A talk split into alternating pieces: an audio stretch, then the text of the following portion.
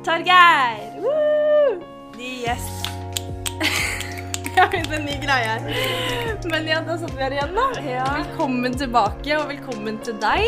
Tusen takk. Vi er skikkelig glad for at du kommer til oss i dag. Ja, vi må jo si hvem det er, da. Torgeir Bergrem. Eh, snowboardkjører. Proff. Ja. Det er viktig å ha med proff. Ja, er det. Det er mange Um, kids som ser opp til deg. Ja, Mange det vil jeg voksne tro. også. Du og jeg og Ja. også Det var en på jobben min i dag som bare Kjenner du så mange kjendiser, Julie? Torgeir, kommer han nå? Jeg bare Du vet. Mm. Nei da. Vi har jo fått veldig blod på tann på snowboardkjøringa.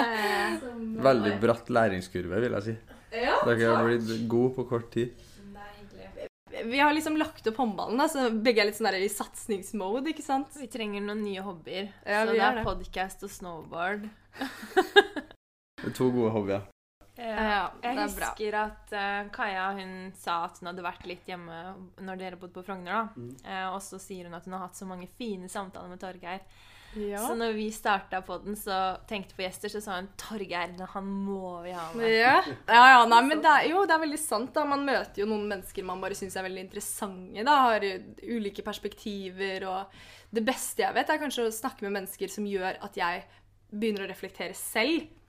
Eh, og det var jo litt målet vårt med podkasten også. Å ha fokus på det med selvutvikling og det å hele tiden være åpen for nye perspektiver. da. Eh, og da er det jo ganske interessant å ha med noen som hva skal jeg si, aldri er hjemme. Du har jo en del reisedøgn Ja, i løpet av et år. Ja, nei, jeg er hjemme eh, tre av tolv måneder i året cirka, da. Fader. Ja, og hvor, hvor mange år har du holdt på sånn? Jeg har vært eh, profesjonell snowboarder siden jeg var russ i 2010. Så elleve år, da. Elleve år på farta. Ja, Har du vært jorda rundt? Eh, ja, jeg har vært jorda rundt par ganger. Men jeg har, det er to kontinent som jeg ikke har vært i.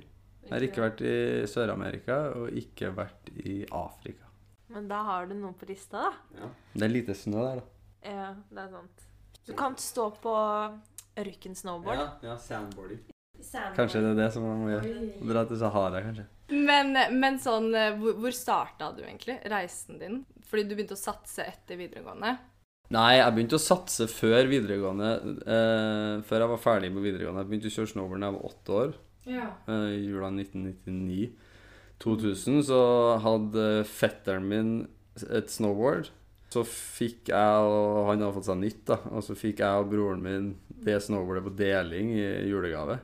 Og da siden jeg er yngst og han er eldst, og han kjører motsatt vei av meg, så måtte jeg kjøre med tailen, eller bakenden av snowboardet foran, det første året. Så det var sånn jeg starta. Så jeg var ikke i skibakken, ingenting sånn. Vi var bare utafor huset og gikk opp og ned og kjørte snowboard. da. Så det var bare en bakke der dere bodde? Ja. Typ? Det er sånn på skoleveien, egentlig. En bakke som het Tonjebakken. Som eh, vi liksom gikk opp og kjørte ned. da. Ja. Det var ikke noe snakk om å dra i Tok du det fort, da? Det er vanskelig å si. Jeg husker egentlig ikke sånn sykt godt uh, hvor lang tid det tok før jeg lærte meg å svinge og sånn, men jeg tror det gikk ganske fort, ja. Vi bygde jo hopp og sånn, det, gjorde vi jo det første, første året, så ja, det gikk ganske fort. Liksom Hoppa på trampoline og turna og sånne ting. da. Men holdt du på med noe annet? Annen idrett, eller var det bare snowboard? Ja, nei, jeg holdt på med alt mulig rart, egentlig. Jeg holdt på med langrenn, fotball, eh, gikk på teaterskole, faktisk. Turn. Ja, eller jeg, jeg har liksom vært innom det meste. da. Spilt i band. Mm. Eh, det gjorde jeg ganske lenge, faktisk. Oi, Til jeg begynte på videregående. er du musikalsk? Jeg spilte gitar da, Ja. eh, i tolv år eller noe. What? Så, ja, så det har vært mye forskjellig, da. Eh, jeg har vært innom det meste. Faderen og vi var liksom ivrig på at vi skulle prøve ting. Så, så det har vært gøy. Eh, og så var snowboard på en måte det som jeg aldri ble lei av. Det var det som appellerte til deg. Når var det du bestemte deg for at ok, det er snowboard som er min ting, min naturlige gave? Jeg, altså, alt har vært veldig lystbetont fra starten. da. Det har aldri vært noe sånn Det her skal være jobben min, på en måte. Eh, Men det gikk ganske fort før jeg og broren min da, eh, begynte å se på snowboardfilmer og, og liksom få idolene våre var snowboardkjørere, da, og ikke fotballspillere og andre ting. Så det gikk ganske fort. Det tok vel kanskje et, et år eller to, da, og så var jeg liksom OK, snowboard er det som jeg syns er gøyest å holde på med akkurat nå. endte jo opp med at jeg og han da var Vassfjellet, som var eh, bakken som vi vokste opp ti minutter unna. Eh, Vi var de mest besøkende i den bakken eh, to år på rad.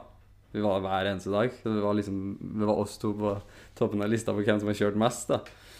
Eh, og da liksom skjønte pappa og mamma at det kanskje var noe som du var seriøs med det og hadde lyst til å fortsette med det. Så fikk jeg min første sponsor da jeg gikk i åttende klassen på ungdomsskolen. Da jeg var 13 år gammel. Da fikk jeg gratis utstyr, og så begynte vi å konkurrere. Og så ja, begynte jeg å gjøre det ganske bra, og så fant jeg ut at det her er noe jeg har lyst til å Satse på. Når jeg var ferdig med ungdomsskolen, så eh, begynte jeg på NTG på Geilo. Da hadde jeg skjønt at okay, greit, jeg kan bli god på snowboard. Jeg ble invitert til å være en av seks stykker som fikk plass der. Og det var veldig stort for meg. da. Å liksom være en av de beste ungdommene i Norge på snowboard. Og så, og så kom til Geilo, så var det jo veldig sånn oppfølging, da. Så da prata vi med liksom juniorlandslag og, og fikk møte landslagskjørere og konkurrere med dem og sånn. Og så, og så endte jeg opp med å havne på juniorlandslaget mens jeg på, gikk på videregående. Da balla det egentlig bare på seg. Gøy. Så da jobba jeg på lakseoppdrettsanlegg på sommeren for å få råd til å kjøre snowboard på vinteren. Det var gøy. Men jeg har et spørsmål. Hvem var din første sponsor? Hvordan reacha de ut til deg?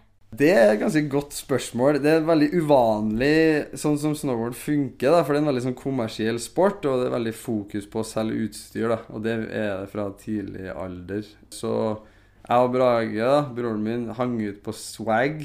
Husker du den butikken som het Swag? Som var, som var liksom Husker det var en periode alle skulle ha den swag-T-skjorta med forskjellige farger? Ja, ja, ja.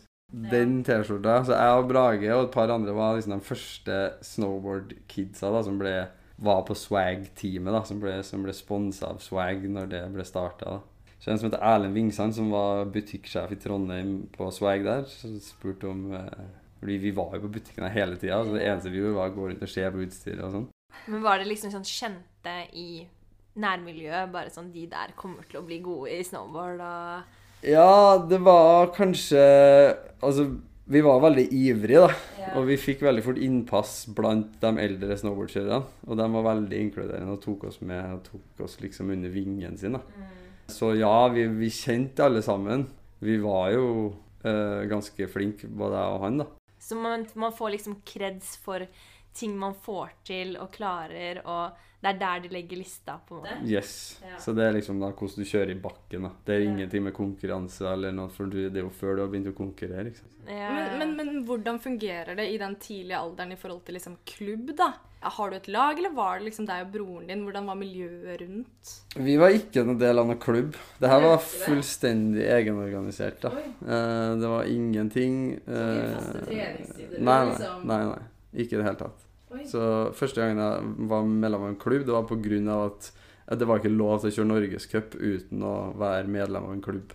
Så sånn som i Bærum og sånn som Ståle og Alexander Østreng og dem, de var jo med i BSK, og de hadde jo treninger Ja.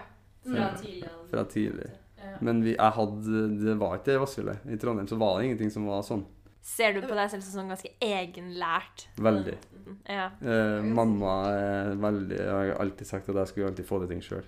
Aldri skulle ha hjelp til noe. Jeg skulle liksom alltid kalle meg Torgeir. Jeg skal sjøl Berggrem. Fordi det var liksom sånn eh, Si det igjen. Torgeir, jeg skal sjøl Berggrem, kalte jeg meg. Så fordi eh, Sånn som broderen, så var, var han veldig på å pushe på at han skulle lære seg nye ting. og sånn da, Som gi den sykkel, og liksom prøvde å få han til å lære seg det, og gå på langrennsski. Og så var han litt sånn Nei, eh, jeg har ikke lyst. Men da, etter hvert så, som han så at andre kompisene sine holdt på med det, så begynte han liksom å lære seg det. Og for min del, da, som er to år yngre, så ville jeg bare gjøre alt det som han holdt på med. Og da var pappa sånn faen, jeg, jeg kan ikke liksom begynne å pushe på han, fordi da skjer det samme som skjedde med, med broderen. da. Så han var sånn Nei, du får ikke lov. Du er for liten, liksom. Du må vente litt. Det liksom, ja, ja. Og da, sånn. Og da var jeg da var, Han tente jo en flamme i meg, liksom. Jeg skal, være jeg skal liksom ta igjen brorsan. Alltid. Så det var sånn sykkel og sånn, så var broderen og lærte seg sykkel, så jeg satt jo bare og grein når han var ute og sykla. Jeg skal faen sykle, jeg, liksom. Så, så, da, så da naboen min la merke til det, så bare sånn 'Jeg har en sykkel du kan få låne', og så bare Da var jeg jeg vet, jeg vet ikke hvor gammel jeg var, sikkert fire år eller noe. Og så fikk jeg låne den sykkelen, og pappa var sånn Ja, ja, nei, greit, hvis du vil lære deg å sykle, bare gjør det, liksom. Men, øh, og så bare tok jeg med meg den sykkelen ned på parkeringsplassen nederst i boligfeltet, og så lærte jeg meg, og så kom jeg syklende opp bakken etter sånn fire timer eller noe. Og jeg liksom lærte meg å sykle. Det er nesten sånn Vær så god, se på meg nå! Jeg husker det med broren min når eh, han hadde støttehjul. Han var sånn tre-fire år. Han skulle sto med stein og slo av de støttehjulene. vet du, Og vi sa sånn Ja, men du, du er for liten. Du klarer ikke å sykle uten støttehjul. Og til slutt var pappa så lei, så han bare Du får lære selv. Tok av støttehjulene. Og så jeg bare pilte av gårde på den sykkelen. Falt ikke én gang. Og det var bare sånn, da var alle sånn OK, vi skal ikke fortelle noen noen gang igjen at de er for små til noe, da. Man må på en måte la de prøve å feile selv. Mm. Det er utrolig hva det gjør med motivasjonen til noen. Hvis at du forteller dem at de ikke klarer noen ting. Det er akkurat det. Da, OK, men da skal jeg i hvert fall gjøre det. Men, men sånn, hvor lenge klarte du å motivere deg selv sånn alene, da? Jeg føler aldri at jeg har motivert meg sjøl sånn på e- Altså, jeg har alltid hatt gode folk rundt meg som, uh, som har tenkt likt, da. Eh, jeg har blitt bedre av at jeg har kjørt sammen med folk som har enten vært like gode eller bedre enn meg på snowboard. Sånn at jeg alltid Vi pusher hverandre, da. Og, og sånn har det egentlig vært fra jeg starta å kjøre snowboard i 1999 fram til i dag med dem jeg kjører sammen med nå. da. Fordi vi er fortsatt ganske like i nivå. Og det er ingen som har lyst til å henge etter, liksom. Så du må, du må hele tida jobbe, da. Ja, ikke sant. Det er veldig interessant, fordi man ser jo på snowboard som en individuell idrett. Sånn, du skal gjøre best, du blir typ glad hvis noen andre faller, eh, fordi da har du større sjanser for å vinne. Hvordan tenker du på det? Nei, eh, jeg tenker aldri at jeg konkurrerer mot noen andre når jeg kjører snowboard. Jeg konkurrerer mot meg sjøl fordi det er det eneste som jeg kan påvirke, det som jeg, det som jeg gjør. Jeg kan ikke påvirke hva Ståle gjør, jeg kan ikke påvirke hva Markus Kleveland eller Mark McMorris gjør. Kjører de bra? Jeg håper de kjører bra, men jeg har lyst til å kjøre enda bedre. ikke sant? Så det er det eneste som jeg kan gjøre noe med. Uh, så så vårt mål har hele tida vært Eller mitt mål har hele tida vært jeg har lyst til å bli så god som jeg kan bli. Jeg håper du blir så god som du kan bli, fordi det kommer til å pushe meg til å bli enda bedre igjen. Så hvis du tenker at jeg håper det går dårlig for dem, sånn at jeg kan vinne, da har du på en måte sagt deg sjøl at jeg er dårligere enn dem på sitt beste. Og det er en liksom veldig sånn destruktiv tanke å ha. da. Så du vil, vil være så god som du kan bli hele tida. Men det er ganske interessant, fordi vi er jo eh, vokst opp med håndball, og der er det jo litt sånn at hvis den foran deg gjør det dårlig, så får du sjansen, ikke sant? Fordi sier man stiller samme posisjon, da, så blir det jo sånn. Men, men det, er jo helt annerledes, fordi du er jo egentlig bare avhengig av deg selv, mens vi er jo avhengig av et lag, da. Og det er en modningsfase. Sånn fra Ja, du har lyst til å spille hele tiden, og typ må vente på at den som er eldre enn deg, skal feile før du kommer inn, Ja, det er akkurat til at du på en måte blir eldre, og så unner du den som står deg der og scorer mål, da, fordi du er så trygg på deg selv og hva du selv får til. Ja, ja, Um, absolutt. Men dere er jo er basically et lag, sånn som vi er et lag, fordi dere push, pusher hverandre til å bli den beste versjonen av dere selv på brettet, da. Men, men, men er det liksom noe man jobber internt med i Si på landslaget, da. Jobber man mye med sånn type tankegang som mental? Ja, de, de senere årene så har det blitt veldig mye mer fokus på akkurat det der. da. Før så var det litt mer sånn bias standing. Snowboard var litt mer sånn rebellsport. Eh, du bryter litt ut av systemet, og det er en sånn, eh, sånn egenorganisert eh, greie da, som liksom som ikke har lyst til å være langrenn eller fotball eller noe sånt. da. Du har lyst til å være måte, den greia som, som ingen forstår, men alle er interessert i. på en måte da. Ja, Kan du fortelle litt mer om det? Fordi jeg selv har ikke vært så inne i snowboard før det siste hvor jeg ble kjent med Eller sammen med Øyvind, da. Um, men har jo hørt mye om den stigmatiseringen som skjer, da, om at det er litt sånn i gåstegn useriøs idrett, litt assosiasjoner til weed, litt at det har kommet ut av surfe-boms-kultur. Det, må- det har jo skjedd et ekstremt skifte der de Ja. siste åra. Kan du fortelle noe om det? Absolutt. Det jo, da jeg starta å kjøre snowboard for 20 år siden, da var ting veldig annerledes. Snowboard var liksom ikke den etablerte eh, sporten, idretten, som det er nå. da. Eh, det var fortsatt ungt, og det var på en måte folk som hadde lyst til å bryte ut litt, som, som holdt på med det. Og, og det var kanskje litt av det som appellerte til meg òg, at det var ingen som kunne fortelle meg hvordan jeg skulle gjøre ting riktig. Fordi det var ingen som visste hva som var riktig. Da. Så du må på en måte finne din egen vei. da. Og i veldig mange idretter, og som kanskje dere òg har eh, erfart, er at, at veien på, er på en måte lagt for deg, og andre folk vet liksom Hvis du vil komme fra herfra til hit, så må du følge de stegene her, og da kommer du dit. Men for oss så var det liksom aldri sånn. Da var det bare sånn OK, greit, du må, du må gå ut, og så må du være kreativ, og så må du må, må lage deg sjøl, på en måte. Konstruere deg sjøl, og så må du ja, du må, du må på en måte konstruere en ting som folk har lyst til å se på. Når du blir litt eldre, så skjønner du at det er pga. at du må øke markedsverdien din for å selge produkter, ikke sant? Fordi for folk skal kjøpe det som du bruker, og ikke det som den andre personen bruker. Og det har hele tida vært liksom ubevisst, da. Det som driver deg, for at du har lyst til å skille deg ut fra andre. Det er liksom, Du har ikke lyst til å være lik. Du har din egen stil, sånn sh- shreddestil. Har du funnet på noen triks? Jeg føler du har det. Ja, jeg har, jeg har faktisk Eller funnet på funnet på. Jeg har, jeg har et par sånne triks som, eh, som er litt mine, da. Ja, det er, jeg har sett det når jeg har sett på sånn snowboardkonkurranse. Bare sånn Dette her er Torgeir-trikset typ. Jeg har et triks med switchbacks Switch Backside 540 Method, som, som, jeg var, eller som er på en måte Jeg vil ikke si at det er mitt triks, for jeg syns jo det er kult at andre gjør det. Det er helt konge. Men uh, det, var, det ble på en måte litt sånn trademark for meg, da. Når du så det, på en måte. Ja, Uh, og det er ikke det at det trikset er en sånn sinnssykt vanskelig triks, men jeg fikk det til å se litt annerledes ut, kanskje, da. Og så gjorde jeg det i uh, kvalifiseringa på OL, etter at jeg allerede hadde kvalifisert meg, eller fått en veldig høy poengsum. Så jeg visste at jeg på en måte kom til finalen.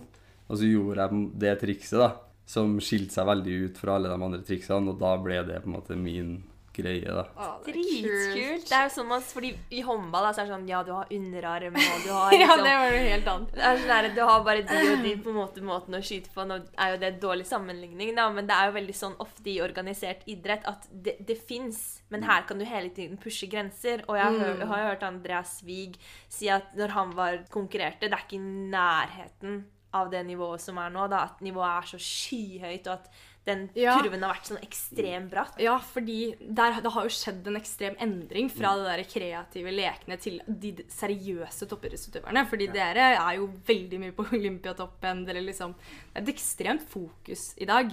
Ja, ja. Absolutt. Absolutt. Og den, den derre på en måte sveien da, fra å være liksom en sånn utbrytersport til å bli en etablert uh, olympisk gren og, og en mer sånn tradisjonell idrett som, som ligner mer på andre idretter, det har jo skjedd mens jeg holdt på. Så, så det fokuset som er i dag Så jeg er veldig glad for at jeg ikke er 16 år gammel nå og skal prøve å bli snowboardproff.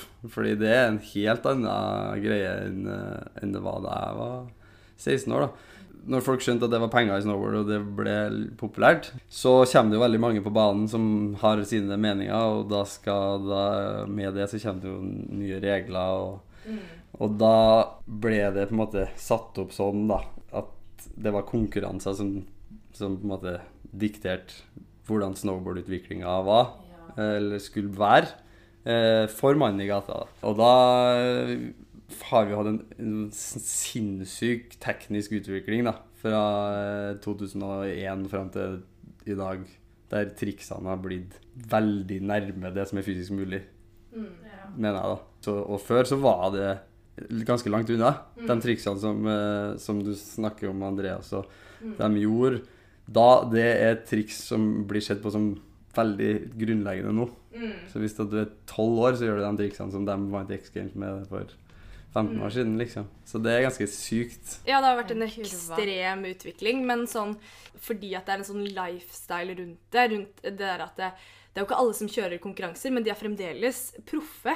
Du kan jo si da reiser rundt, lager sine egne videoer. Det er, jeg, jeg føler at spennet på snowboard er så mye større enn tradisjonell idrett som håndball, fotball osv. Ja. Fordi vi er veldig sånn, det er veldig organisert, man vet hvilken serie man skal spille, hvilken cup man skal spille. Eh, videre. Mens med snowboard så kan du på en måte være proff uten å være på landslaget. Du trenger ikke å kjøre konkurranser på landslaget. Du kan tjene masse penger uten å egentlig være Ja. assosiert til den og den klubben, skjønner du? Ja, det, ja, det er akkurat det, og da lurer jeg liksom på sånn Fordi man får jo veldig mye ansvar som utøver for å skape sin egen arbeidsplass, hvis jeg kan si det sånn. Ja. Hva tenker du? OK, jeg må reise dit, jeg må skape content. Hvordan, hvordan er den? Ja, det, det, det, ja, det er ikke noen fremgangsmåte. Det er det som er fremgangsmåten. Det er, det er det at det er usikkert, på en måte. Eller man må skape det selv, da. Ja, det Ja. jo det. Du er jo, det er jo ingen som forteller eller det er, jo, det er jo sikkert masse folk som har meninger om hvordan du kan gjøre det, men til syvende og sist så er det du som skal bygge ditt eget brand. Det samme med hvis du er kunstner, da. Så må du på en måte Du må skape din egen kunst. Det er ingen som kommer hit og sier Mal det her, liksom. Eh, og du skal selge det her, og vi setter deg i kontakt med han og han. Og liksom, ja, det finnes ikke noe sånn. Så du må på en måte klare, uten noe oppskrift, å gjøre deg attraktiv for produsenter av utstyr som du bruker når du kjører snowboard. Og så må du komme i kontakt med dem, og så må du overbevise dem om at det er riktig for dem å investere masse tid og penger i å bygge opp deg som merkevare for at de skal tjene mer penger. Det er ganske sånn det er ganske sånn komplekse Ja. greier, egentlig. da. Eh, men hvis du er heldig, da, sånn som jeg har vært, så, har vært, så kommer du i kontakt med brands som du digger fra før av. Mm. Sånn som Volcom, da, for min del. Jeg gikk jo i butikken og kjøpte meg Volcom-klær når jeg var kid. Og så da, når jeg går i 10. klassen og er 15 år gammel og er i Vassfjellet, og han som selger Volcom i Norge, kommer opp til meg og bare Du, jeg har lyst til å hjelpe deg med klær. Så er det sånn her Wow. Det er så sykt sånn her tillitserklæring, da. Så det er bare sånn OK, greit, jeg gjør noe riktig her nå. Den der syke oppskrifta som jeg har lagd i hodet mitt, funker på en måte, da. Så det blir jo Det er veldig spesielt. Men så da, når du kommer i kontakt med sånne folk, så får du litt mer hjelp, da. Da vet du litt mer hva deres brand prøver å si til kundene sine, og, og de sier jo bare sånn Ja, bare kjør snowboard, du. Vi backer deg, vi. Det er kjørerne som er brandet, på en måte. Så det er sånn Du har kreativ frihet, da. ja.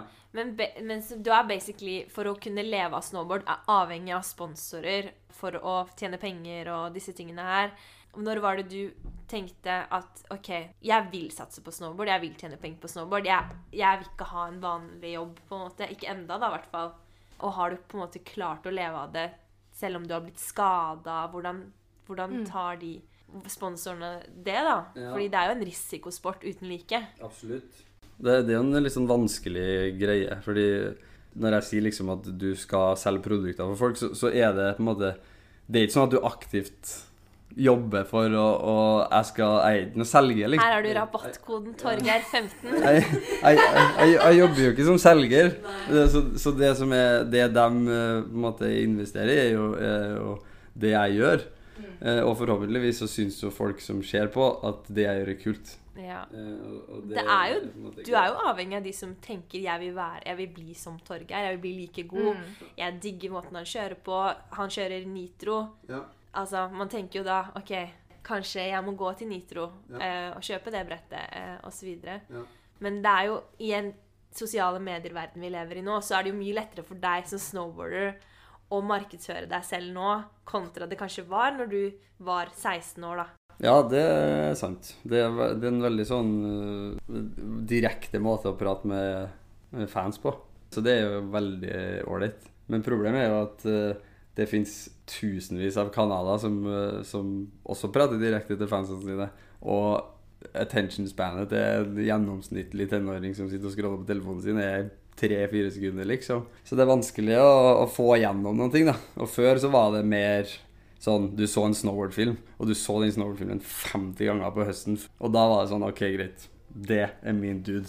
JP Solberg er min liksom, Han er duden som jeg er keen på å være, på en måte. Så da var det veldig sånn Det var veldig mye mer begrensa hvilket content du ble eksponert for. Eh, så det er på en måte lettere å velge, da. Mens nå blir du liksom bombardert med alt mulig rart hver eneste dag. Da. Ja, det er sykt, faktisk. Når jeg tenker for meg selv, og hvis man ser en kul snowboard-video på reels, da, så bare kommer det på og på og på, på, på. Det er så jo, mange. Det er så mye, og det er så mange flinke, og jeg skjønner at det, det, den verden der må være vanskelig å på en måte peke seg ut i. Navigere seg. Men du er jo liksom type en OG, da. Ja, i gamet. Som Ja, men hva Ja, jo, jo. Ja, ja, det er jo hyggelig at du sier det. Jeg har holdt på en stund, da. Ja, ja. Så du må jo ha litt kreds for det, på en måte. Sånn Ja. fra de unge som kommer opp. Jeg tenker sånn Markus Kleveland, alle de som på en måte er veldig flinke nå. Han har jo en gang sett opp til deg. Altså, jeg skal ikke snakke for han, men de som er veldig flinke nå, det jeg føler sånn Ja, at de har tatt mye inspirasjon fra dere igjen, og så nå kan man lage videoer sammen. Man kan på en måte bygge hverandre opp da, på en annen måte. Er det sånn at du hele tiden jobber med da Eller siden det er jo så kreativ frihet og alt sånt der, men da jobber du jo hele tiden med å være relevant da, i forhold til liksom sponsorship og alt det der. Ja, det gjør du. Du må jo hele tida Eh, og det er det som kanskje er litt av utfordringa for en person som kanskje i utgangspunktet ikke er sånn kjempeglad i å stikke seg ut så gærent og, og er veldig glad i oppmerksomhet uh, konstant. Uh, så, så er det Så må jeg liksom aktivt jobbe med å få ut content for at jeg ikke skal forsvinne, da. På grunn av det som vi snakka om med attention-spanet til folk. Folk glemmes veldig fort, da. Så, så det, er, det er jo noe som man må jobbe med. Men så Det er jo bare at jeg viser fram snowboardkjøringa mi. Og det er jo det som jeg elsker å gjøre mest i verden. Og hvis at folk liker å se på det som jeg liker å gjøre mest i verden, så, så skal jeg selvfølgelig gi dem det. Så det er jo egentlig sånn, Det er jo no-brainer. Jeg syns jo det er verdens gøyeste ting å holde på med. Så det at jeg må kanskje jobbe litt med meg sjøl på å få opp hyppigheten i postene mine på Instagram, liksom, det er ganske lite jobb. Så ja. Hvordan, hvordan på en måte jobber du aktivt med mental trening? Ja, det er mye. Ja, det er det jeg har fått inntrykk av. Så jeg er veldig sånn Nå, når begynte du å gå Hvor gammel Sånn var du når du tenkte at eh, ok, dette er viktig hvor hodet mitt er oppi det her? Jeg er jo en tenkende fyr, da, så jeg tenker mye. Så jeg tenker mye liksom konsekvenstenking og hvorfor jeg gjør ting, og det skal være en mening med det og, og sånne ting, da. Eh, Men så, når jeg begynte å få sponsorer som betalte meg penger for å kjøre snowboard, så, så endra det liksom tankegangen min litt når jeg konkurrerte. For da følte jeg plutselig at i stedet for at jeg var på en måte underdog som skulle bevise at jeg var bedre enn dem som på papiret var bedre, men så var det sånn OK, nå er det folk som forventer at jeg gjør det bra, da, og at de blir skuffa hvis jeg gjør det dårlig. Så det var noe som jeg sleit litt med i et par år. Jeg var, jeg var kjørt dårlig i konkurranser, og fordi at på toppen så var det hele tida sånn OK, greit, hvis jeg gjør det bra nå, så skjer det og det. Og da får jeg muligheten til å gjøre det og det, og så, og så ble det hele tida sånn en sånn eh, fokus på ikke det jeg skulle gjøre, men konsekvensene av det som skjedde hvis at jeg fikk til å gjøre det på den måten som jeg ville gjøre det. Så jeg begynte å jobbe med mental trener. eh, på en måte Fikk fokuset tilbake til, det, til arbeidsoppgavene mine og det som faktisk skulle skje. Kan jeg bare spørre hvor gammel du var da?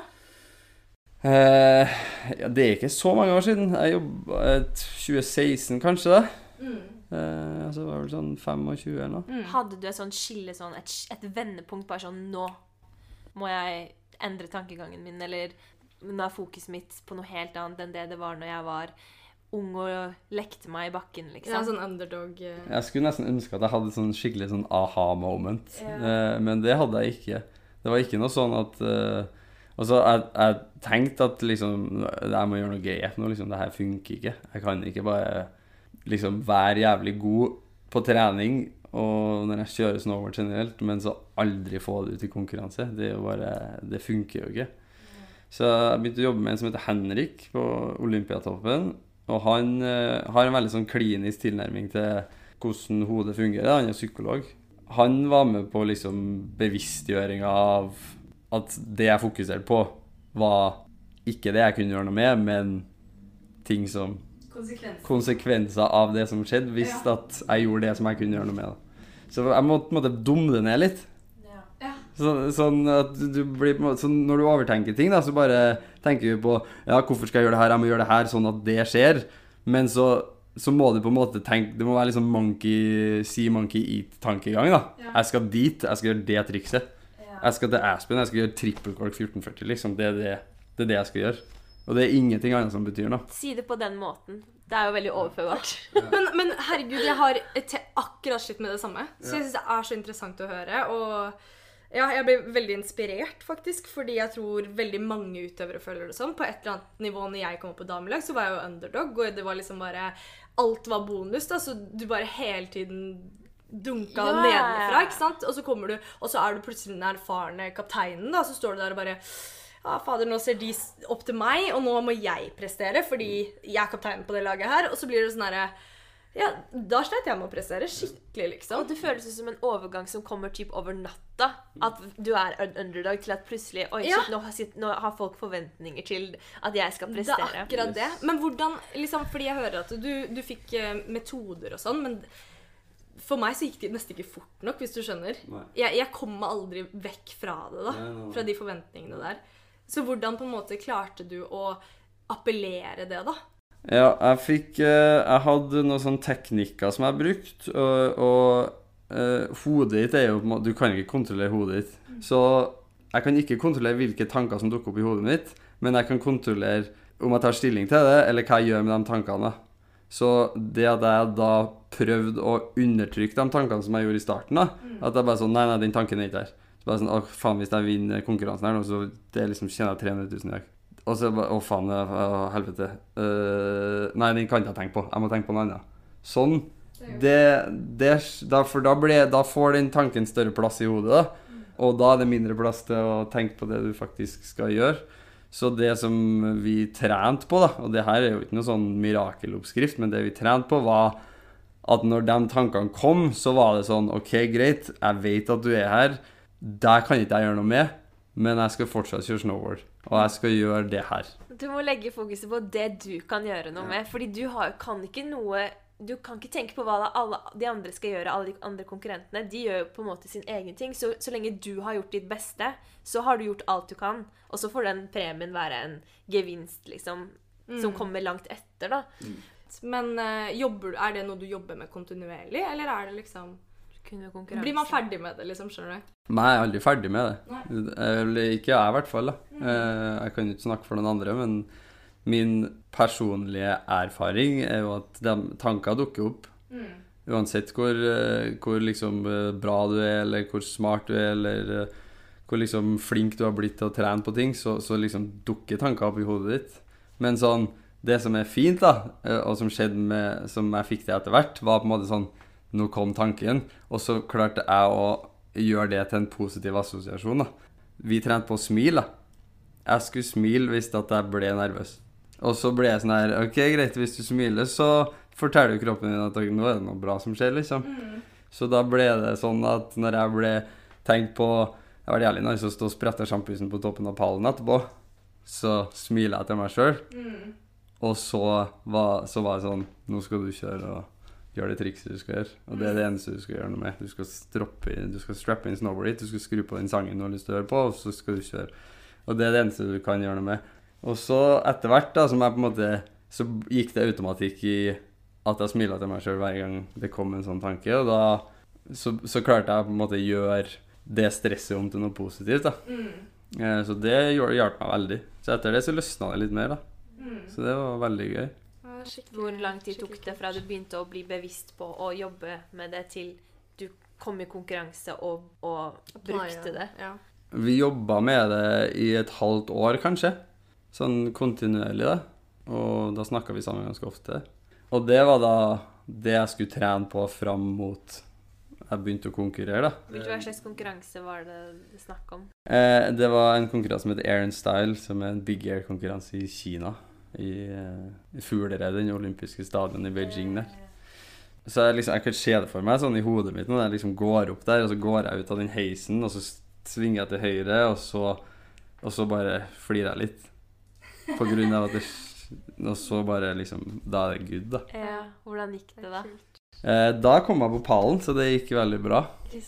Å se det funke. Men, men var det, tenkte du under noen omstendighet Dette gidder jeg ikke mer. Jeg klarer det ikke. Liksom, hadde du noen gang noe Gikk det så Dette er ikke utover for meg, liksom. Dette går ikke, liksom?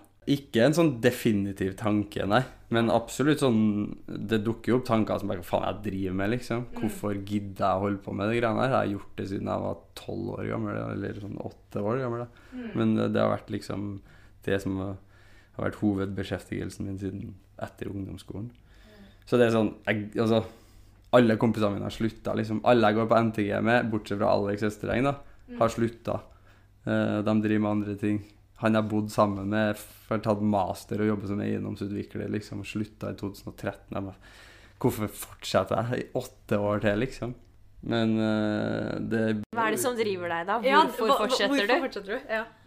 Jeg, jeg, jeg våkner opp om morgenen, og jeg klarer ikke å finne på Finne ut noe som jeg heller har lyst til å holde på med. Det er liksom ingenting som bare Det er det du skal gjøre, da, tenker jeg. Det er min umiddelbare reaksjon. Jo, men jeg, men jeg tror også veldig mange idrettsutøvere, inkludert meg selv, eller om de driver med noe annet òg, kommer til et punkt hvor man tenker hvorfor, hvor faen gidder jeg? liksom? Fordi man legger jo hele sjelen sin i det. Det er virkelig lidenskapen din. Det betyr alt. Og det å da på en måte føle at man er på et mørkt sted da, i gåstein over lengre tid, er drittungt. Men når du kommer ut på andre siden Du kan jo gjerne fortelle om det og om din opplevelse av liksom å komme ut når du har stått i noe sånt som er tungt, da. Har du stått i det? Ja, eller litt, da. Ja, ja, ja. Nei, jeg har jo alltid opplevd eh, tunge ting. Eh, absolutt. Og det har vært veldig mye skader, kanskje, da, som har vært det verste. Eh, men eh, det, den beste følelsen som fins, syns jeg, da, er jo mestringsfølelse. Det er jo det deiligste som fins. Så når du på en måte lar de tankene ta styringa, og så gir du deg, da. Skal du gå rundt og føle deg som en taper resten av livet, liksom? Fordi at du Jeg bare Ja, jeg lot de følelsene her diktere hva altså, at, Jeg lot de identifisere meg. Sånn jeg lot tankene bli meg. At Mm. jeg er dårlig, at dette ikke er for meg. At jeg bare er skada hele tiden. Men når du er skada, da, til veldig mange som opplever skader, hvordan kommer man seg ut på andre siden? Hvordan har du jobbet med deg selv i lange skadeperioder? Ja, det varierer jo veldig, da. Eh, Enkelte ganger så har det gått veldig fint. Andre ganger så har det vært eh, verre, når man føler at man sitter hjemme på perrongen og toget går, liksom. At alle andre kjører, blir sjukt mye bedre og lærer seg nye triks, og så sitter du der med og spiser havregrøten din og følger med på snowboardkonkurranser på TV, liksom. Eh, så det, det er jo tungt, men igjen da, så er det jo det der med hva kan du gjøre? Hva kan du gjøre noe med? Våkne opp om morgenen, og hva, hvordan kan den dagen her gjøre til at jeg kan være så god som overhodet mulig den dagen jeg får lov til å kjøre snowboard igjen? da. Sitter og manifesterer nesten. Ja, du må nesten bare Altså, jeg har veldig Jeg må dele opp ting, da.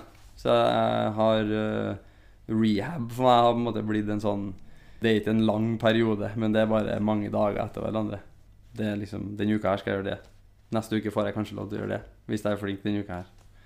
Og så, så blir det bare sånn, da.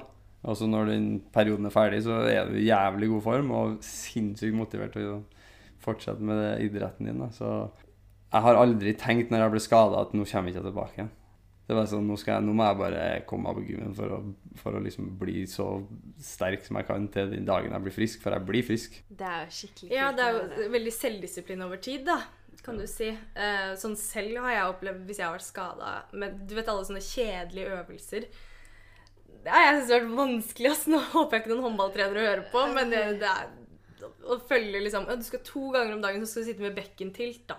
Så er det sånn 20 ganger 5 bekkentilt. Det, er det verste som fins. Ja, men du, du liksom har bare klart å motivere deg hver eneste dag for sånne ting. Har du hatt et bevisst forhold til de tingene? Det er jo på en måte Hva er gulrota eh, på slutten? Altså Du har hele tiden manifestert hvis, jeg, det. hvis jeg trener i dag ja. um, Eller hvis jeg ikke trener i dag, tenkte du sånn OK, men da tar det bare lengre tid. ja, det blir jo sånn, da. Og så har jeg jo det fantastisk støtteapparatet rundt meg. Det må jo sies òg. Jeg har veldig flinke trenere, fysioterapeuter, leger rundt meg hele tida som på en måte har gjort det enkelt. da. Men det er sånn Det her har vært drømmen min siden jeg var åtte år gammel. Skal jeg la eh, liksom de tankene i hodet mitt som sier det har vært litt digg å ligge på sofaen i dag og ikke trent, skal jeg la dem ødelegge for det som jeg har jobba for i 20 år?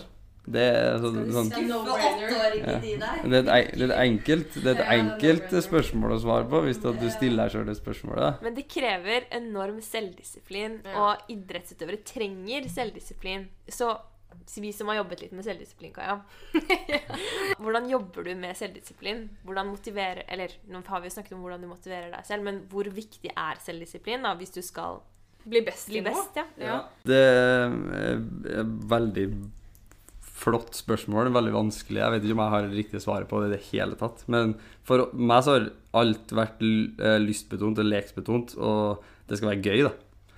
Den dagen det ikke er gøy lenger, så slutter jeg å holde på med det. Så den derre 10 000 timer-regelen der man liksom går og hater livet i ti år, og så før man blir best, og da er liksom alt verdt det, den har jeg aldri hatt.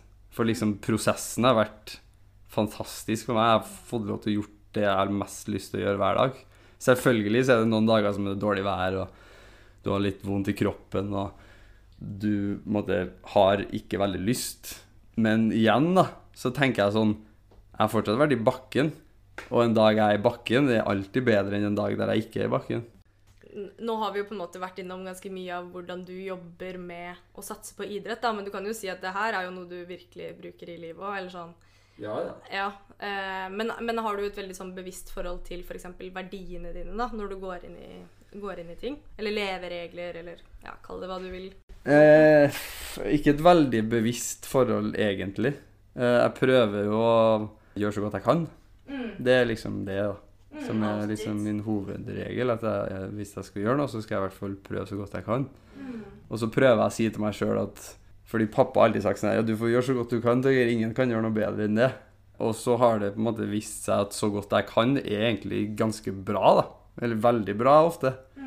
Så, så, så jeg på en måte lært at jeg kan bli flink hvis jeg gjør så godt jeg kan. Da. Så uansett hva det er jeg holder på med, om det er skole, eller om det er snowboard, eller om det er mat, eller uh, gitar, eller hva det skal være, så, så prøver jeg da, i hvert fall å gjøre så godt jeg kan. Fordi hvis ikke, så kaster du egentlig bare bort tida di. Hva er typ visjonen din for de neste, de neste to åra, da? Jeg går på skole, faktisk. Jeg er fulltidsstudent på sånn nettstudie. da, Studerer markedsføring. Eh, så det er jo en sånn side-greie som jeg har. Em, og så Gjør du ditt beste der òg? Jeg, jeg prøver, men det er jo, det er jo veldig andre, kanskje tredje prioritet. da. Fordi jeg har eh, snowboard, og så har jeg eh, samboeren min, som, som jeg er veldig mye bort fra. Så jeg, hun er jo en champion. Hun er helt rå. Så, og så kommer på en måte skole litt etter det. da. Så når jeg har kjørt snowboard og vært med Lena, så, så kan jeg jobbe med skole etter det. så, så den skolebiten, den har ikke vært liksom førstepri, men det har vært litt deilig å ha en sånn ting i livet som hvis at det går dårlig på én arena, så har du en annen arena du kan gjøre det bra på. da. Det tror jeg er dritviktig, det der at man ikke skal tenke at man har nødvendigvis en plan B, men du begrenser ikke deg selv. Jeg Nei. vet at jeg kan fokusere på snowboard og skole og samboer, selvfølgelig. Så hvorfor ikke gjøre begge deler? Fordi det er jo læring, ikke sant? Det er jo gøy å lære noe nytt. Mens veldig mange bare tenker at OK, jeg går all in på det her, og jeg støtter den tanken 100% Og hvis ikke det går, da kanskje man prøver på noe annet. Men hvis man har den kapasiteten til å sjonglere flere ting, da. Og det er jo det når man, man ofrer jo ganske mye hvis man er på farta ni av tolv måneder, da. Så hvordan klarer du å, å ja, ha den relasjonen med Lena samtidig som du er så mye på reisefort? Hvordan pleier dere det forholdet? Nei, jeg, jeg føler ikke at jeg jeg gjør ting som uh, tar fokus vekk fra snowboard. da.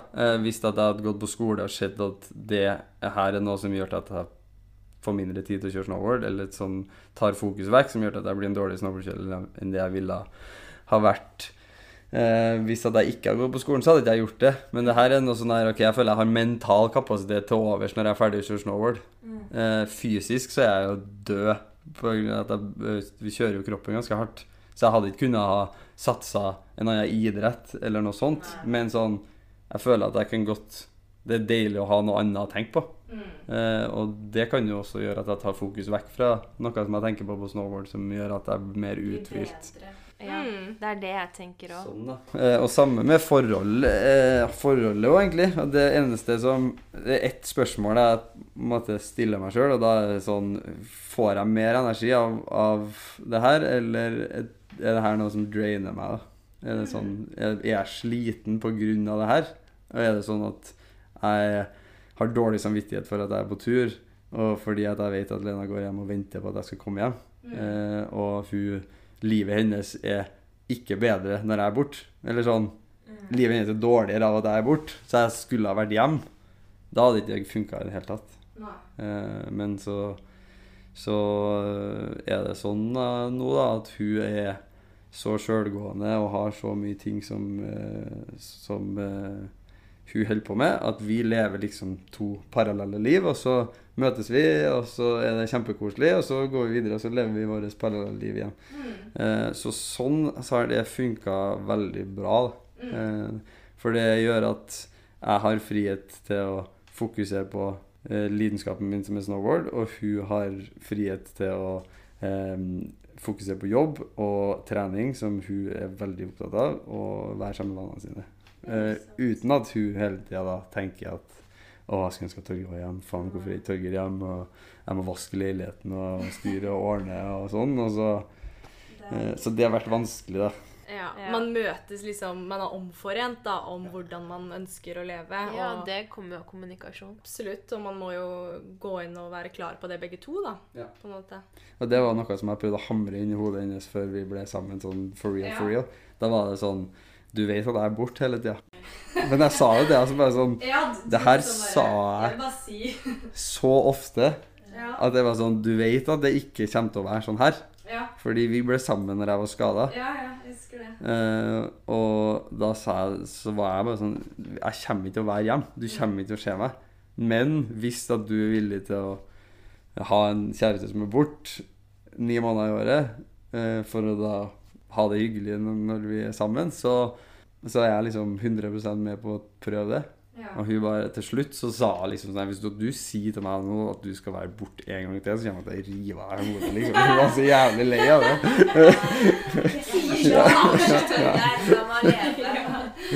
Men nei, hun er en champ. Hun er helt rå. Så det, det, det er funker bra. Det. Som, eh, passer til din livsstil, da. Og vice versa. Mm. Jeg tror det. Det er dritkult. Det er bra. Men Vi du har jo sa jo ikke noen ting om de to årene, da. Hva, hva er planen? Nei, nå er det liksom eh, det er jo, eh, Jeg er opptatt av at det skal være eh, utvikling og progresjon i det du holder på med. da. Um, så, så i år så har jeg filma masse, og trives veldig med det. Syns det er kjempegøy. Spencer har vært med og filma masse, og også en som heter Marcus Skin, som er fra Australia, som er filmer, da. Som eh, har vært med primært. da. Hvordan fungerer det da? Er det sånn at dere liksom Han blir med deg på tur? Dere chiller rundt og lager litt videoer og sånn, eller? Nei, eh, altså Du må jo ha en plan. Eh, Jeg vet ikke om det fungerer. det er veldig vanskelig å gjøre nå hvis man prøver bare å sose rundt og, og liksom uh, håpe på at det skal ordne seg. Ja. Så eh, vi har eh, stått opp tidlig og vært ut hele dagen og kjørt mange dager i strekk og gått på trynet og hadde det jævlig og hadde det gøy. og det har vært fliring og grining og blod og svette og helvete. Men det er sinnssykt gøy, da. ja. Det er liksom verdt det. Prøver dere å tenke, tenke sånn utafor boksen når du lager content nå? Ja, sånn, jo det, ja, du, jeg... du, må skille deg ut på et vis. ja. Mm. Så enten så må du bare kjøre bedre enn alle andre, eller så må du hoppe på større hopp enn alle andre, eller så må du filme deg annerledes, eller gjøre nye triks. Mm. Shit. Når kjenner du mest mestringsfølelse, da? Mest mestringsfølelse kanskje når jeg gjør noe nytt, da. Eller å overvinne frykt, kanskje, som er liksom det største. Oi, hva, hva kan du fortelle om frykten din? Jeg, jeg, jeg, jeg, jeg er setter jo meg sjøl i liksom, fysisk fare hver eneste dag, da. Det er farlig, liksom. Jeg har beskjed om at jeg ikke har noe konsekvens når jeg prøver på ting, fordi jeg får så vondt. Og det er sånn, sånne små rør. Og jeg bare Hvordan klarer jeg å ja, slå meg sanseløs på det her? Mens de tar triple 360 Korg backside switch 540 Ja, men altså- liksom. Men når jeg da får det til da, én gang, plutselig så bare får jeg sånn ekstremt sånn derre Jeg blir skikkelig sånn glad, sånn stolt. Jeg skjønner de som på en måte gjør nye triks og får det til, men dere må jo gjøre det så sinnssykt mange ganger. Du må jo slå deg oh, ja. sanseløs. Føler du mestring andre arenaer enn snowboard? Ja, absolutt. Absolutt. Eh, nå er det jo sånn at eh, liksom, eh, når man prøver noe nytt, så har man en veldig bratt læringskurve. Man blir veldig mye bedre veldig fort. Og jo, jo lenger man holder på, jo bedre man blir, så jo flatere blir jo den kurven. Så det er liksom sånn, hvis du skal se på det som et sånn prosenttall, da, så blir du Hvis at du er 1% god i noe, så går det veldig fort til du er 10% god i noe. Så det er jo sånn, da har du veldig mye mestringsfølelse i starten, og du får det veldig ofte. Men hvis du, du da holder på med snowboard, da, som jeg har holdt på med i 20 år, så krever det veldig mye fra, eller for meg da, å skal lære meg noe nytt. Fordi at det som, er, det som er grunnleggende, og det som man lærer seg fort, det har man allerede lært seg. For sånn som deg, da, hvis når du drar i bakken, så kan det godt hende at du lærer deg et nytt triks hver dag. En grab eller en 180 eller hva det skal være. da. Jeg vet ikke. Men uh, Ikke nå lenger, da, men når du starta å kjøre snowboard. Men nå har du jo blitt jævlig god. men i hvert fall, da. Jeg kan tenke på et triks i et år. Og det kan ta så lang tid før jeg på en måte tør å prøve det i det hele tatt. Ja, fordi det lurer jeg også veldig på. Hvordan, hvordan jobber du med visualisering? Eller jobber du med det? Ja. Jeg vil jo tro det når Man skal kjøre sånne type triks. Men, At man må se det. Prøver ingenting hvis at jeg ikke klarer å se det for meg i hodet. Nei. Eh, Det er så stor del av Det Det er jo en bevisstgjøring på liksom Du må virkelig kjenne din egen kropp og din egen kapasitet for å tenke sånn. Altså, når det er såpass store triks og såpass store hopp som det er, da, Mm. så er jo konsekvensen veldig stor hvis det går galt. Så hvis jeg lander på hodet, så kan det være skikkelig ille. Mm. Det kan bety at jeg ikke kommer til å kjøre snowboard igjen. Og da er det sånn På grunn av det så må jeg ha kontroll på det jeg skal gjøre. Eh, og da, hvis jeg på en måte eh, er i lufta da, og prøver et triks som jeg liksom vet at det her kommer jeg mest sannsynlig ikke til å få til, så, lar jeg, eller så utsetter jeg meg sjøl for unødvendig risiko. Så det, her, det er jo hele tida et sånn spill da, eh, med risikostyring. Du skal hele tida minimere den risken for at du blir skada, for, eh, for det er jo essensielt Det er jo verste konsekvens. Så hvis jeg da står på toppen og skal prøve et nytt triks, så skal det være sånn at når jeg forlater hoppkanten da, og er i lufta, så skal jeg være sånn OK, det er her, ja. Det her vet jeg. Det her kjenner jeg til. For det har jeg spilt i hodet mitt tusen ganger allerede. Og så kommer jeg hit og bare OK, greit, nå skal jeg gjøre sånn, fordi nå kommer landinga snart, og så skal jeg putte ned beina. Og så lander du, og så er det sånn Det var sånn det skulle være. Har du en sånn derre 'Jeg klarer det ikke', så trekker du den noen? Eject button. Da er du kjempefarlig. Ja, men det skjer ofte. kan det. potensielt Ja. Fordi det er, det er jo ganske interessant, fordi jeg har jo også brukt eh, visualisering mye i håndball, men det blir jo liksom noe helt annet. Jeg kan se for meg at det, her så blir det jo en mye større del av den faktiske treninga, da. Ja da, absolutt. Du prøver å analysere, og så ser du på Forhåpentlig, Forhåpentligvis er det noen andre som har gjort det før deg. Eh, hvis du skal finne på noe helt nytt, så er det enda verre. ikke sant? Men hvis du har sett noen andre gjort det før, så kan du se video av når de gjør det. Og så kan du på en måte se ok, der må jeg gjøre sånn, der må jeg gjøre sånn. De går ut litt sånn. De ser ikke under armene, de ser over armene. Og det er liksom sånn, da. Sånne små sånne nyanser som du på en måte må ha på plass. Så blir det jo en sånn prosess da, som du går gjennom. Som du har det i hodet, og så trener du på, på det på trampoline f.eks., og så gjør du en lettere Gjør, gjør, versjon. dere det, ja, gjør dere det kanskje sånn i sånn løsende og sånn, eller er det bare noe jeg innbiller meg? Ja, det var sånn vi lærte triks da vi var kids. Ja. Nå har det jo kommet airbags. Da. ja, ja. På Trysil òg, Mm. faktisk. Mm. Nettopp. Sånn i landinga. Øyvind drev og hoppa der sist gang. Oi, Så kult. da Det er noe for meg.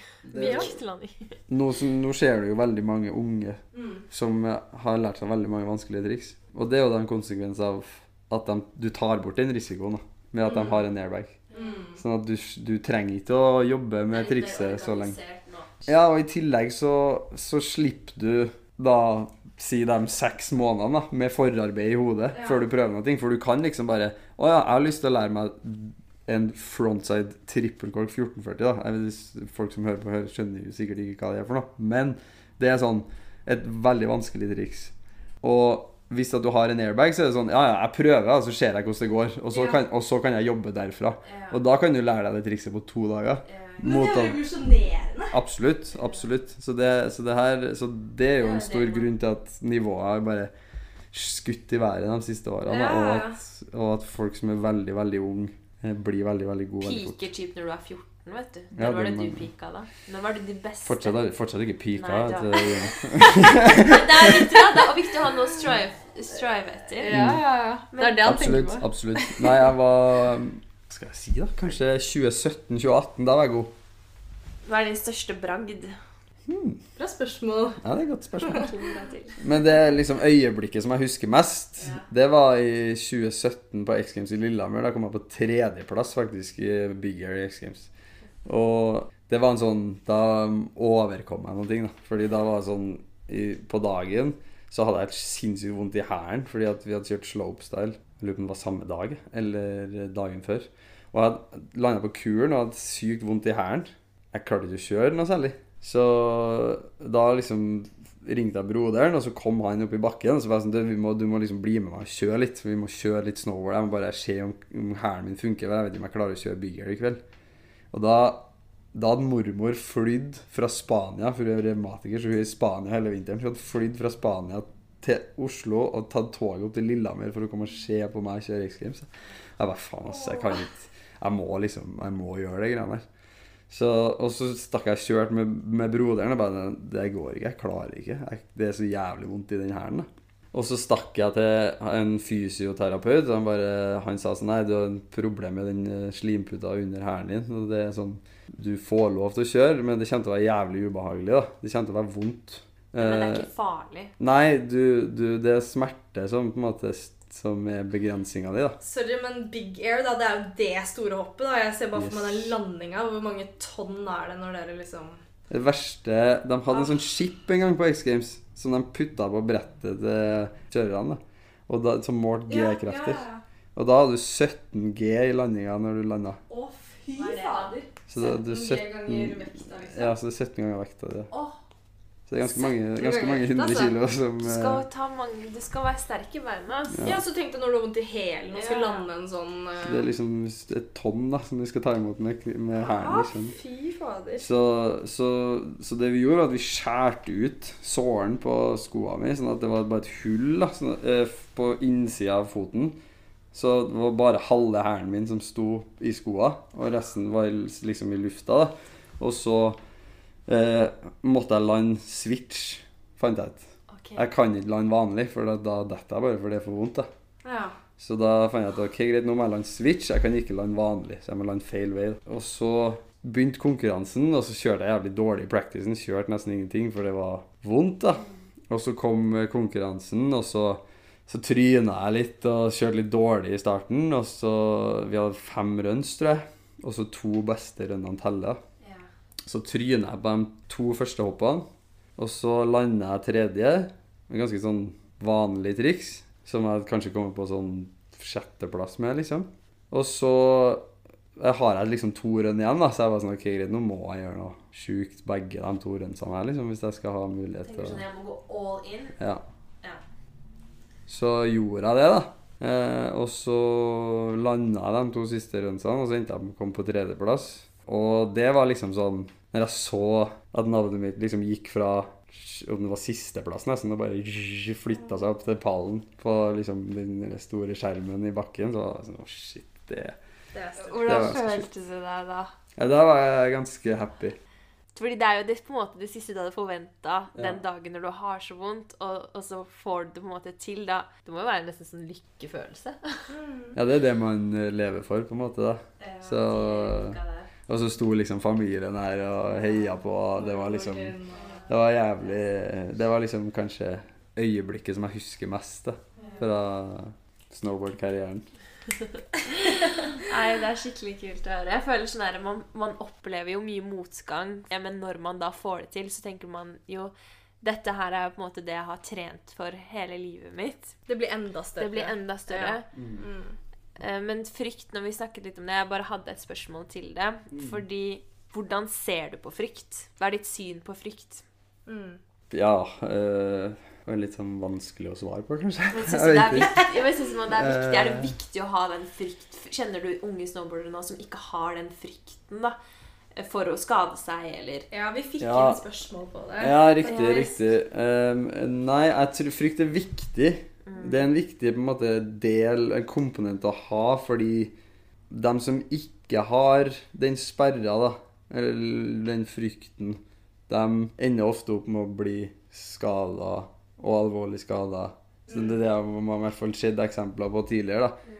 Og så i motsatt ende av skalaen så er det jo da dem som ikke tør å ta steget opp eh, og, og på en måte stagnere litt da, av at eh, enten motivasjon eller da frykt blir på en måte større enn viljen til å gå videre. Og, og, og folk Jeg skjønner jo det veldig godt, men sånn som jeg har deala med frykt Jeg har vent meg til å skremme meg sjøl, og, og, og gjort det til en sånn over, Og det å overkomme frykt er en veldig, veldig god følelse. Så det har på en måte blitt eh, en belønning, da. Ikke sant? Eh, så, så når man er redd, så er det sånn i stedet for at nei, det her eh, skal jeg ikke gjøre. Fordi da går jeg rundt og føler på at ok, det, jeg burde ha gjort det. Det hadde vært mye diggere å bare hadde prøvd. Men hvis jeg da kjenner å nei, ikke gjør det, for det er sånn fight or flight-mekanisme, ikke sant? At du enten så står du i det, eller så stikker du av. Det er jo instinktivt. Så vi, men hvis du velger å stå i det, da, og faktisk klarer det, så er den, eh, den følelsen du får, så sykt mye bedre enn den, følelsen, den dårlige følelsen du får av å ikke gjøre det. da. Ha, har du på en måte noen anger i, den, i din karriere eller i livet? Nei. Noe du skulle ønske du gjorde annerledes? Ja, alltid. Men ikke ang jeg angrer ikke. Bra! Ja. Det er så bra. Ja. Jeg angriper deg. Nei, jeg, jeg, jeg Nå er vi langt dypt nede i materien her. Altså. Veldig, ja, nå var du veldig interessant. Ja, Det er bra, det. Jeg angrer ikke på noen ting, men ja, det er ting som jeg skulle ønske at jeg kunne ha skjønt tidligere, kanskje. Hva da? Til de unge som ser opp til deg og derfor trykker på 'blest bevisst' i dag. Hva har du å si til de? Ja, nei, altså Ting som jeg skulle ha ønska jeg gjort annerledes. Kanskje tips to the youth. Ja, vært litt flinkere til å høre på folk eh, rundt meg tidligere, kanskje. Um, det er veldig mange folk som har veldig mye bra å si, og veldig mange Så Du må selvfølgelig velge det her med omhu, da, men eh, folk vet mer enn deg sjøl på veldig mange ting. Så det der med at jeg er veldig egen og har en veldig liten, veldig liten sirkel av mennesker i verden som jeg stoler på, og som jeg tar råd fra, da. Jeg skulle kanskje ønske at jeg hadde hørt litt mer på enkelte. Og så hadde jeg, skulle ønske at jeg hadde skjønt det der med å overkomme frykt og gå ut av komfortsona si oftere før. Tidligere. Ja. Det er jo det, det å vite at dette er bare frykt jeg må overkomme, kontra dette her er noe som forteller meg at dette ikke er bra. Mm. Det er mer forskjell på intuisjonen din som sier nei, nei, dropp det her, kontra dette her er bare frykten som snakker for meg. Så jeg må bare å, å lære den forskjellen. Ja, man skal være kritisk til seg sjøl, og så skal man være Eller det er i hvert fall det jeg skal være med meg sjøl. Jeg, skal være- jeg skal gjøre så godt jeg kan, og jeg skal være ærlig nok med meg sjøl til å si at det her var ikke så godt du kan. Fordi det er veldig lett å tenke at jo, jo, nei, men jeg prøvde nå i hvert fall. Jeg prøvde i hvert fall. Sånn, sånn at du, det er ikke sånn at jeg sier at hvis at det går dårlig, så er det sånn ja, ja, jeg prøvde jo i hvert fall. Du skal, da skal du på en måte sette deg ned og, og virkelig analysere Hvorfor? hvorfor var det noen andre som var bedre enn meg nå. Ja. Hva kunne jeg gjort annerledes? For det er forberedelsene som er viktige. ja. Det her var ikke mitt beste, på en Nei, måte. sant? Du kan godt gjøre ditt beste på dagen, Ja. men hva gjorde du de seks månedene i forveien? da? Ja, For det er ikke sånn at Jeg klarer ikke å få ut eh, Liksom Jeg kan ikke kjøre eh, Hvis jeg kjører 90% på trening og forventer at jeg skal få ut 110% i konkurranse. Det skjer aldri.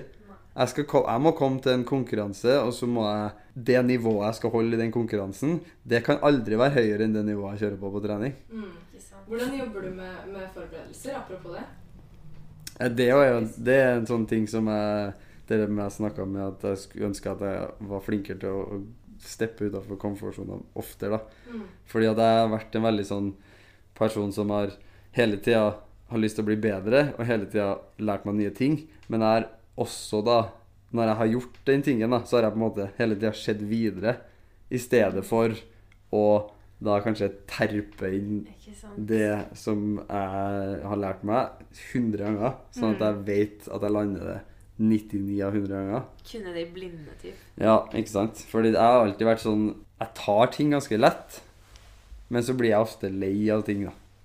Eh, så det er jo det, det er derfor jeg på en måte Og det var på en måte, som vi snakka om tidligere, grunnen til at snowboard var på måte ble på en måte min nisje, var fordi at jeg hele tida kunne utvikle meg og gjøre forskjellige ting. Det var alle de der uh, repetitive greiene. Jeg måtte ikke stå og trene på å ta corner eller eh, liksom gjøre liksom akkurat det samme som uh, hver trening, da. Så det er på en måte en sånn ting som i hvert fall jeg som konkurransesnowboardkjører skulle ønske at jeg var litt bedre på. Det der med liksom rutine og ha en plan. I dag skal jeg gjøre ti av det trikset og ti av det trikset. Mm. Og lander de så og så mange ganger. Ja. Sånn som LeBron som 'Jeg skal treffe 100 skudd før jeg går hjem i dag'. Liksom. Ja, Men hva gjør du nå, da, for å gå utenfor komfortsonen din? Nei, det er jo det, da. Jeg prøver å, å gjøre ting som jeg ikke vil gjøre. Alltid. Så da er det sånn eh, Alt har alltid vært lystbetont og leksbetont, men, men at det hele tida skal være en sånn underliggende plan. da. Hvor er jeg hen? Hvor skal jeg hen? Og hva må skje for at Skal jeg skal komme dit?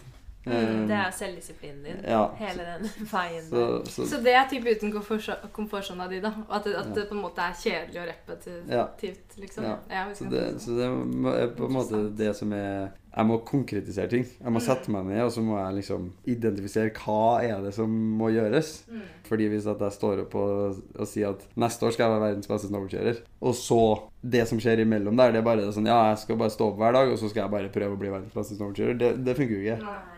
Så jeg, jeg må på en måte da legge opp et løp, da. Hva Mm. du skal trene på hver dag. Og Mm. hvordan Ja, typ, det handler jo om alt. Liksom livsstilen din. Det er jo å stå på snowboard, men det er også hva du putter i kroppen. Hvordan styrke du trener. Mm. Restituerer. Hva du ser på, hva du leser. Jeg føler liksom alt er det. Eh, Når du sa du hører på musikk, hva hører du på? Nei, det er alt mulig rart. ass. Det kommer helt an på humør. Hva er positive assosiasjoner du har akkurat da? Noen ganger så hører jeg på panfløytemusikk liksom, når jeg kjører på slopestyle, fordi at jeg må roe meg ned og bare ta det rolig. For jeg tenker liksom at Så spenningsnivået skal være så lavt som mulig. Det er det jeg tenker. For det er bare rutine. Jeg ten- sånn, det som fungerer for meg når jeg konkurrerer, er at jeg skal bare gjøre det som jeg kan. Står ikke på adrenalin. Nei, jeg er aldri den som står her og bare liksom slår meg sjøl i brystet og bare sånn Fy faen, nå skal jeg for faen liksom slå alle folkene der nede i støvlene. Jeg er sånn, jeg er sånn her Jeg skal bare gjøre det jeg er god på. Du, du driver med en rebelsk idrett, litt Ja. så typ, men er du en rebell? Ser du på deg selv som det? Eh, I den forstand at jeg, jeg liker å gå min egen vei, ja, absolutt. Men ikke sånn at jeg har lyst til å da være trollete med folk eller bryte regler og sånne ting. Så, så føler jeg meg ganske sånn normal, egentlig. Jeg har aldri vært tiltrukket av den der 'jeg skal følge veien' som noen andre legger Som noen andre har Skal lagt lage før dine meg. egne fotspor. Ja, ikke sant? Det høres jævlig klisjé ut å si det. Men det er sånn her det ja, Som noen altså, andre kan følge. sjøl. Ja. Men ja, det var, det var eh, et spørsmål da, som eh, støkk litt med oss, og det var um, hvordan overkomme redselen for å prøve nye triks, slash hvordan få selvtilliten til å prøve det.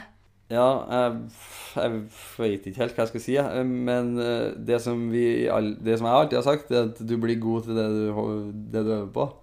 Så hvis du skal bli god på snowboard, så må du bare kjøre masse snowboard.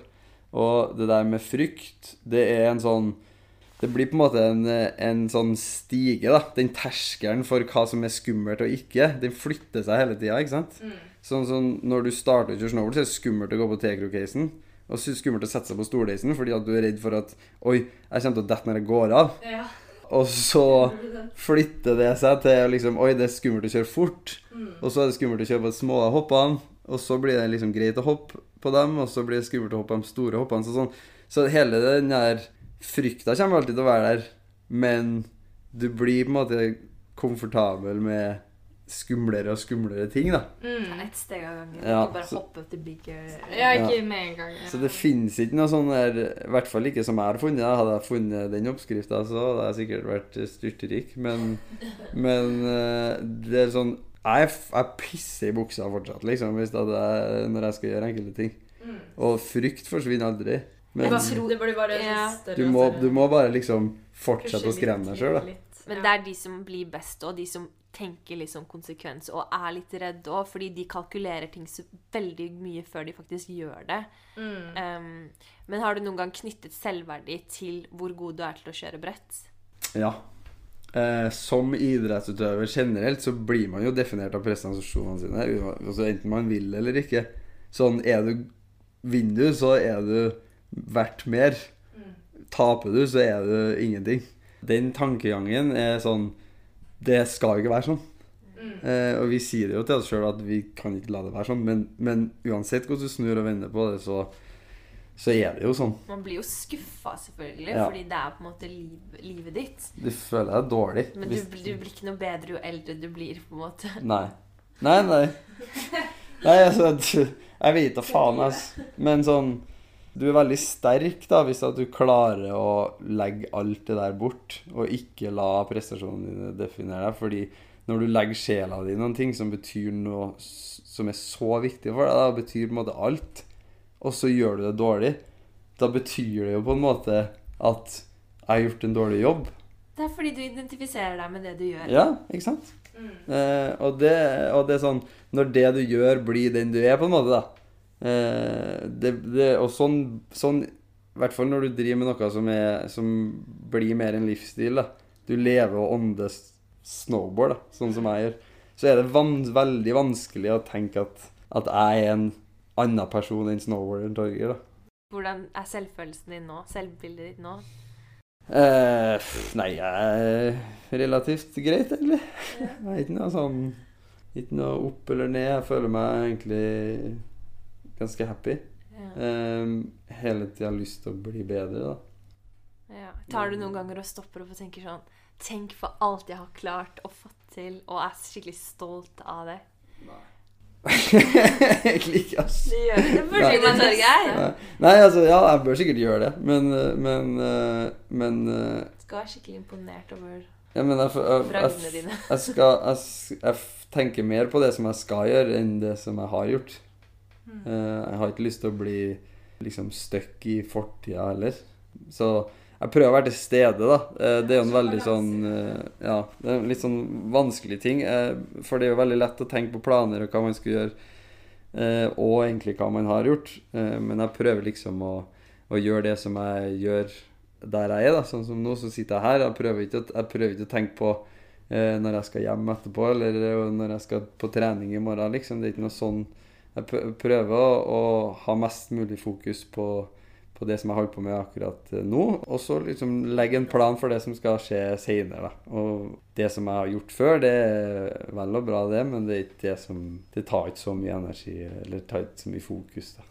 Sånn avslutningsvis da, så har jeg bare lyst til å si noe til det. Fordi mm, jeg har selv eh, opplevd at jo mer til stede jeg har blitt, da, og jobber med å på en måte være der jeg er og være 100% fokusert der, jo mer takknemlig har jeg blitt. Og sånn som det du har snakka om i dag, det å være takknemlig for at du står, står opp og har eh, treninga den dagen og alt det der. For meg så har det gått litt i hverandre, har jeg skjønt, da det der at når jeg er til stede, så blir jeg automatisk litt takknemlig. Fordi at det, jeg er faktisk heldig som sitter her og får lov til å gjøre det her. Jeg tror det er litt synonymer, da. Absolutt. Tilstedeværelse og takknemlighet. Mm. 100. Jeg skal, jeg skal prøve, å, prøve å bli flinkere til å være eh, takknemlig og stolt av det jeg har fått til. Så vi får se litt hvordan det går. Jeg skal gi beskjed. Ja. Hvis du ikke skulle drevet med snowboard, da, hva hadde du drevet med da? Eller hvordan Hvem er Torgeir uten snowboard? Hvis du tar bort snowboarden, hvem er du da? Det et godt spørsmål. Det er ingenting. Nei da. Eh, Du kan skryte av deg selv. ja, nei, altså Jeg er jo målretta. Jeg har lyst til å få til ting, da. Og jeg har lyst til å skape ting. Så det er jo eh, mm, helt sikkert prøvd å vært en gründer av noe slag, kanskje. Eller noe sånt.